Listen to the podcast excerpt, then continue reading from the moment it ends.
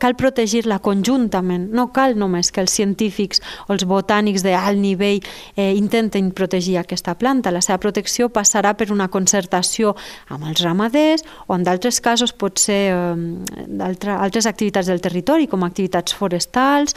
En altres casos, per exemple, pot ser eh, un projecte urbanístic que pot comprometre el, el, la supervivència d'una espècie. No?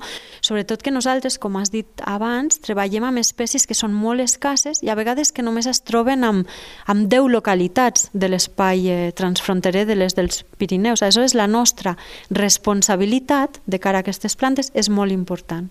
En aquest aspecte, el que s'intentarà des del projecte Flora Lab és eh, implicar la major part de gent del territori perquè s'apropi aquest valor, aquest valor botànic i que tots conjuntament aconseguim doncs, entendre millor, conèixer millor i, per tant, protegir millor. Que són els laboratoris botànics a cel obert?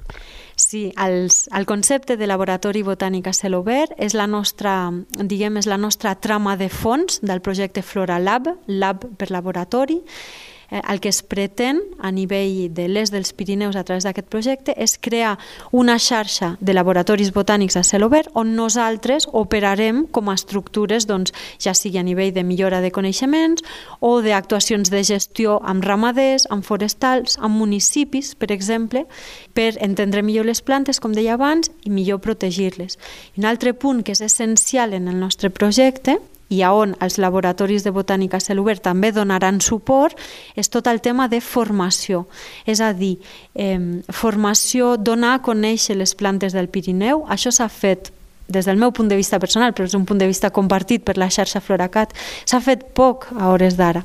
Si nosaltres demanem eh, a un habitant, mira, avui estem a Pi, no? demanem a un habitant de Pi si sap eh, qui, què és el trencalós o l'àguila daurada o l'almesquera, inclús a hores d'ara ja són espècies que són conegudes pel gran públic, eh, probablement doncs, ens sabrà dir coses sobre aquestes espècies. Però si, per exemple, anem en aquesta vall o a la vall de Noedes i demanem per la planta, que potser és el valor, el major valor de la vall perquè és molt endèmica i perquè és molt escassa, poca gent gent sabrà.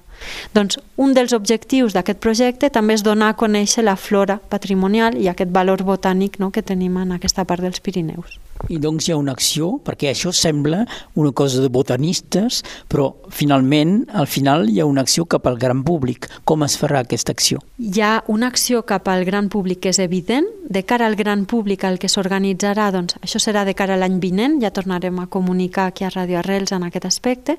Es compta fer com un festival de la flora, de la flora dels Pirineus, o la flora de l'est dels Pirineus, on la idea serà durant una setmana sencera sensibilitzar la gent del territori a les plantes. Pot ser a nivell de conferències tècniques, eh, això seria una possibilitat, però clar, al gran públic el que, el que és xulo és sensibilitzar-lo de moltes altres maneres. Eh, fer sortides al camp, fer jocs entorn a les plantes, fer degustacions, perquè no? les plantes fan part de la nostra vida, de la nostra alimentació, i doncs és organitzar eh, un festival entorn a aquest tema no? de, de les plantes. Aquesta és l'acció gran públic.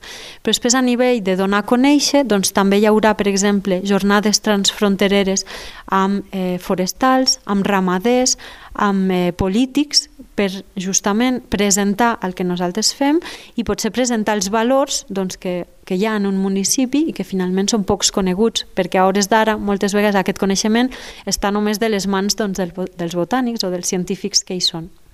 Maria Martín, moltes gràcies i bona continuació d'aquest programa Flora Lab, FloraCat. Sí, gràcies a vosaltres, Enric, i continuarem en contacte per eh, donar-vos les actualitats una mica d'aquest projecte doncs, que s'ha iniciat a l'1 de gener del 2020 i que continuarà fins a mitjans de l'any del 2022.